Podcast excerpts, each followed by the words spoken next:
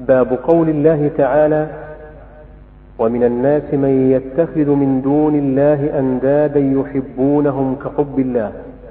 الآية وقوله قل إن كان آباؤكم وأبناؤكم إلى قوله أحب إليكم من الله ورسوله.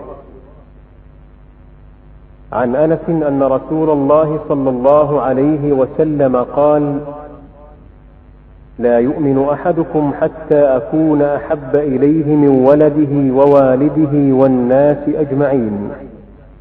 أخرجا. ولهما عنه. قال قال رسول الله صلى الله عليه وسلم ثلاث من كن فيه وجد بهن حلاوة الإيمان. أن يكون الله ورسوله أحب إليه مما سواهما. وأن يحب المرء لا يحبه إلا لله وأن يكره أن يعود في الكفر بعد إذ أنقذه الله منه كما يكره أن يقذف في النار. وفي رواية لا يجد أحد حلاوة الإيمان حتى إلى آخره. وعن ابن عباس من أحب في الله وأبغض في الله ووالى في الله وعادى في الله فإنما تنال ولاية الله بذلك. ولن يجد عبد طعم الإيمان وإن كثرت صلاته وصومه حتى يكون كذلك. وقد صارت عامة مؤاخاه الناس على أمر الدنيا وذلك لا يجدي على أهله شيئا. رواه ابن جرير. وقال ابن عباس في قوله وتقطعت بهم الأسباب قال المودة.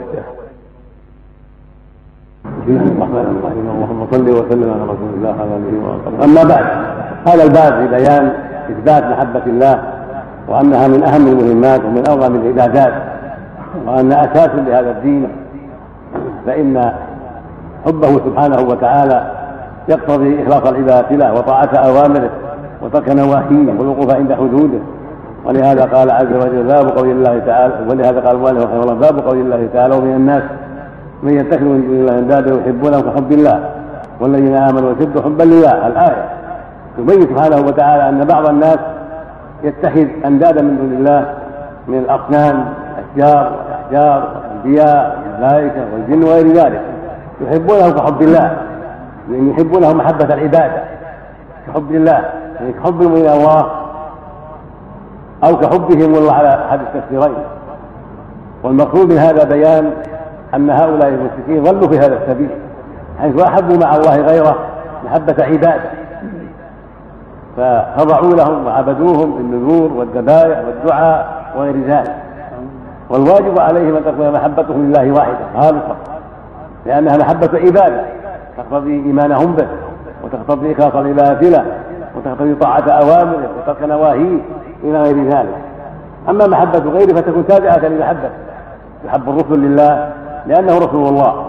حب المؤمنون في الله لأنه أولياء الله أطاعوه. هذه المحبة لله وفي الله. أما حب العبادة فهذا خاص بالله. وهي محبة الخضوع والذل والذل والاستكانة والطاعة والامتثال. هذا خاص به جل وعلا. لا يكون لغيره. يجب على العبد أن يحب الله محبة صادقة تقتضي إخلاص العبادة له واتباع شريعته وطاعة أوامر يأتي بها رسوله وترك نواهيه. بخلاف أهل الشرك فانهم احبوا اندادهم كحب الله كما احبوا الله بل بعضهم زاد حبه لانداده أكثر من حب الله. فصاروا يعبدون أندادهم ويخلصون لهم الدعاء وينذرون لهم ويسجدون إلى قبورهم ويقربون إليهم بالذبائح والنذور ولو قيل لهم افعلوا هذا لله كسلوا وضعوه. فصارت محبتهم لاندادهم أشد. وبعضهم يجرأ على الحلف بالله كاذبا ولا يجرأ على حيث شيخه ومعبوده من دون الله كاذبا ويقول إنه أسرع انتقاما من الله لي وما أشبه ذلك مما يقوله أعداء الله الذين ابتلوا بالشرك بالله وتعظيم محبة الغير على محبة الله سبحانه وتعالى. قال تعالى والذين آمنوا أشد حبا لله المؤمنون أشد حبا لله من حب هؤلاء لاندادهم لأنهم اخافوا لله العبادة وعرفوا حقه عز وجل فصاروا يحبونه محبة عظيمة فوق محبة هؤلاء الضالين لاندادهم ولهذا أخلصوا له العبادة ودعوه وحده سجدوا له وحده وصرفوا له العبادة كلها سبحانه وتعالى وخضعوا لأوامره ووقفوا عند حدوده ونفذوا أوامره ولم يعصوه سبحانه وتعالى وتابعوا رسله وعرفوا أن أن الرسل انما هم مبلغون دعاة وليسوا آلهة معبودين. وإنما هم مبلغون عن الله تجب طاعتهم واتباعهم وتعظيم أمرهم ونهيهم ومحبتهم في الله تبعا لمحبة الله سبحانه وتعالى. ولهذا بعده ولو يرى الذين ظلموا لأن المشركين. إذ يرون العذاب أن قوة لله جميعا وأن الله شديد العذاب. لو رأى ذلك واستحضروه لا أحبوا الله أكثر ولا عظموه أكثر ولا كفروا العبادة ولكن جهلهم بالله. وقلة بصيرتهم أوقعتهم الشرك بالله عز وجل.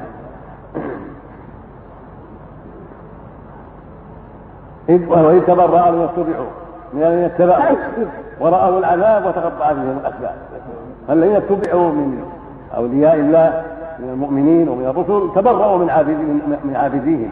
الذين تبعوهم وعبدوهم في الشرك وخلدوهم في الشرك هؤلاء المؤمنون يتبرؤون يوم القيامة كما يتبرأ الرسل من عابديهم يوم القيامة. ويقولون تبرأنا إليك ما كانوا إيانا يعبدون. إذ تبرأ الذين اتبعوا من اتبعوا ورأوا العذاب. أولئك المتبعون لأئمتهم في الباطل ولأعداء الله. وتقطعت بهم الأسباب. لم يبقى لهم سبب يتعلقون به لأن أشركوا بالله فبطلت أسبابهم وصاروا إلى النار. أعوذ بالله من ذلك. وقال لو أننا نتبرأ منهم كما تبرأوا منا كره يرجع إلى الدنيا. ونتبرأ منهم كما تبرأوا منا. قال الله تعالى كذلك يريهم الله أعمالهم حسرات عليهم وما هم بخارجين من النار. لأنهم تابعوا أهل الباطل وتابعوا أهل الشرك وتركوا عبادة الله وحده وتركوا اتباع الرسل عليهم الصلاة والسلام. فلهذا هلكوا وأراهم الله أعمالها حسرات عليهم وما هم بخارجين من النار بسبب شركهم وكفرهم واتباعهم الباطل الذي نهاهم الله عنه. ونهاكم الرسل عنه عليهم الصلاة والسلام. والمقصود من هذا أن الواجب إخلاص العبادة لله وحده ومحبته سبحانه المحبة الصادقة التي تقتضي إخلاص العبادة له وطاعة أوامره وترك نواهيه ويجب أيضا البراءة من عبادة غيره وإنكارها واعتقاد بطلانها وأن العبادة حق الله وحده كما قال سبحانه وإلهكم إله واحد لا إله إلا هو الرحمن الرحيم. وما أمروا إلا ليعبدوا الله مخلصين له الدين حنفاء.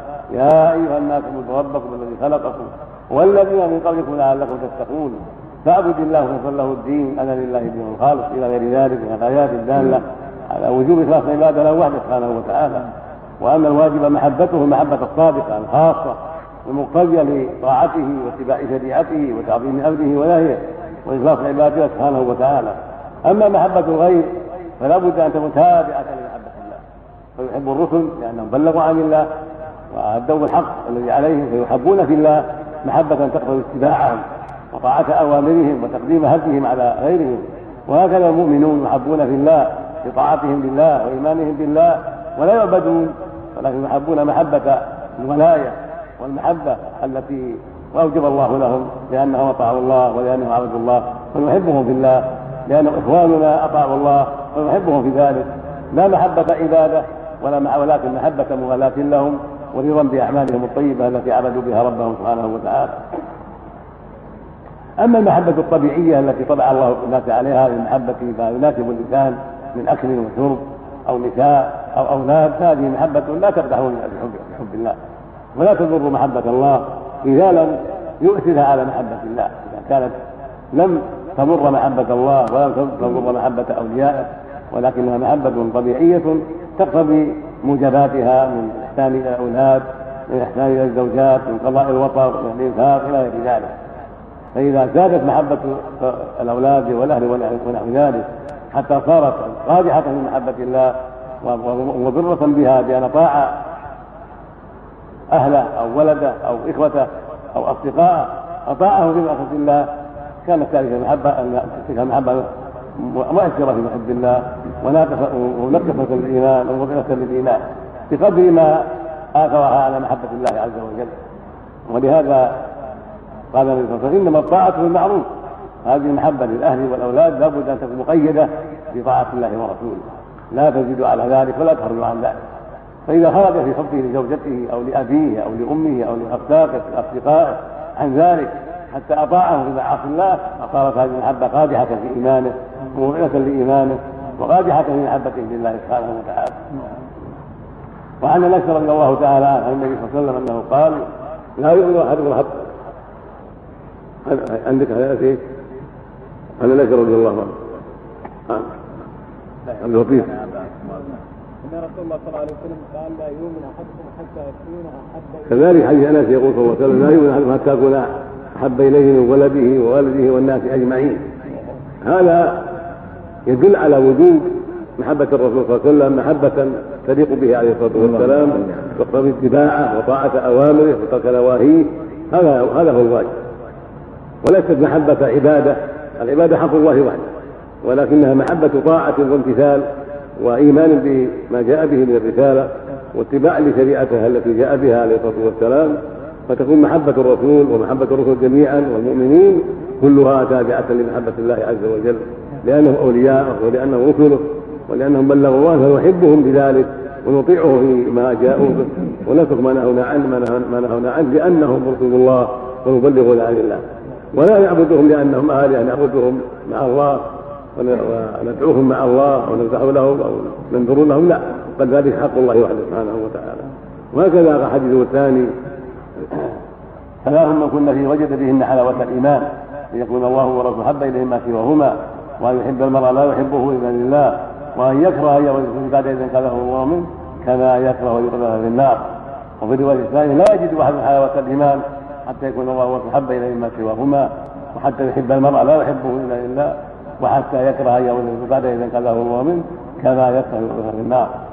وهكذا الآية الكريمة في سورة البراءة إن كان آباؤكم وأبناؤكم وإخوانكم وأزواجكم وعشيرتكم واموال اقترفتموها كسادها وترضونها أحب إليكم من الله ورسوله وجهاد في سبيله فتربصوا حتى يأتي الله بأمره والله لا يهدي القوم الفاسقين. تدل على وجوب تقديم محبة الله ومحبة رسوله على هؤلاء الآباء والأبناء والإخوة والأزواج والعشيرة والتجارة وغير ذلك تجد هذه المحبه تجب يجب أن تقدم هذه المحبة على هؤلاء وان يكون حب الله مقدما بحيث يطيع أمر الله وينتهي عن نهي الله ويقف عند حدود الله ولو خالف هوى أبيه أو أمه أو أخيه أو ابنه أو زوجته أو نحو ذلك. وهكذا الجهاد في سبيله يجب أن يقدم هذا الجهاد على هوى النفس وهوى زيد وعمر. إذا وجب الجهاد أو جاء النفي وجب أن يقدم ذلك على هوى النفس وعلى هوى زيد أو عمر أو الأب أو الأم أو الجد أو الخال أو ما أشبه ذلك. ولهذا قال فتربصوا. من قدم هذه الأشياء على محبه الله ورسوله. والجهاد في سبيله فهو متوعد فتربصوا حتى يأتي الله بأمره. والله لا يهدي القوم الفاسقين. فدل ذلك على أن إيثار هؤلاء هذه المذكوره الثمانية المذكوره على حب الله ورسوله حتى يدع ما أوجب الله ويترك ما حرم الله. من أجل ذلك فسق صاحبه يستحق الوعيد ولا حول ولا قوة إلا بالله. وهكذا ما ذكر في حديث أنس.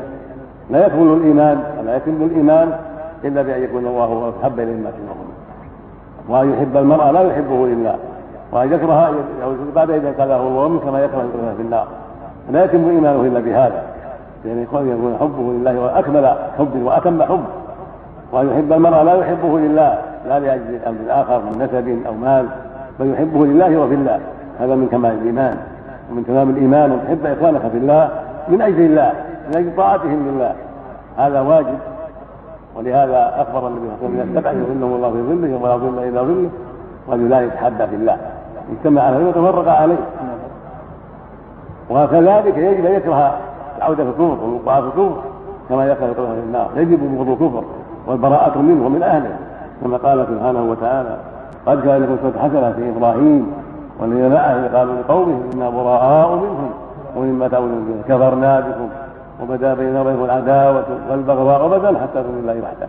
فيجب على المؤمن أن يتبرأ من الكفر وأن يعتقد بطلانه وأن يتبرأ من أهله وأن لا يواليهم وأن لا يتخذهم أصحابا وأخدانا وأولياء. بل يبغضهم في الله ويكرههم في الله ويتبرأ من الكفر بالله ويعتقد بطلانه حتى يؤمن أولئك ويدخل في دين الله سبحانه وتعالى. وهكذا قول ابن عباس من أحب في الله وأبغض في الله ولا في الله وعاد في الله فإنما تنال ولاية الله بذلك. إنما تنال ولاية الله الكاملة بحبه في الله وبغضه في الله وموالاته في الله ومعاداته في الله. لا من أجل أمر آخر. إذا أحب العبد لله وأبغض لله ووالى في الله وعادى في الله هذا هو كمال الإيمان. وهذا هو تمام الإيمان.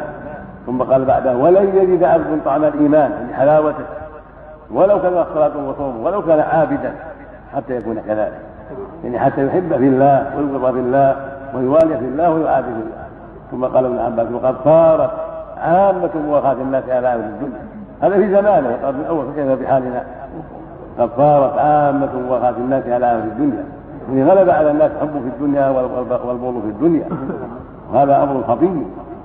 وقد كانت عامة وقد صار عامة مواخاة وذلك لا يجي على أهل لا يجي عليهم لا ينفعهم. بل يضرهم إذا ثبطهم عن الحق وصدهم عن الهدى. أما إذا اشتغلوا بالدنيا بيع والشراء وطلب الرزق على وجه لا يضر إيمانهم ولا يوقعهم في المعاصي ولا يوقعهم فيما حرم الله عليهم من الربا ولكنهم يتعاطون ما أباح الله ويستعينون بنعم الله على طاعة الله ولا يصدهم ذلك عن حق الله ولا يوقعهم في محارم الله. فهذا لا حرج فيه. قال تعالى وتقطعت بهم الأسباب قال الموده يعني مودتهم التي كانت بينهم في الدنيا على غير دين الله انقطعت يوم القيامة. وخانتهم يوم القيامة. كما قال تعالى الأخلاء يومئذ بعضهم لبعض عدو إلا المتقين. فالمحبة التي بين الناس في الدنيا على الشهوات وعلى المعاصي والمخالفات هذه لا تنفعهم بل تضرهم يوم القيامة. وإنما ينفعهم يوم القيامة حبهم في الله. حظوظهم في الله وموالاتهم في الله ومعاداتهم في الله. لأنه عمل صالح فيحسب لهم من أعمالهم الصالحة ويوضع في موازين أعمالهم الصالحة فينفعهم. أما ما يتعلق بالدنيا وشهواتها والتحاب فيها فقط فهذا لا يجزي على أهله شيئا ولا ينفعهم بل يكونهم ذلك اليوم يعني يوم القيامة فلا يجدون له فائدة بل يضرهم إذا كان ذلك الحب أوقعهم في معاصي الله أو ثبطهم عما أوجب الله ولا حول ولا قوة إلا بالله. وفق الله الجميع ولا حول ولا الله وسلم على نبينا محمد وعلى آله وصحبه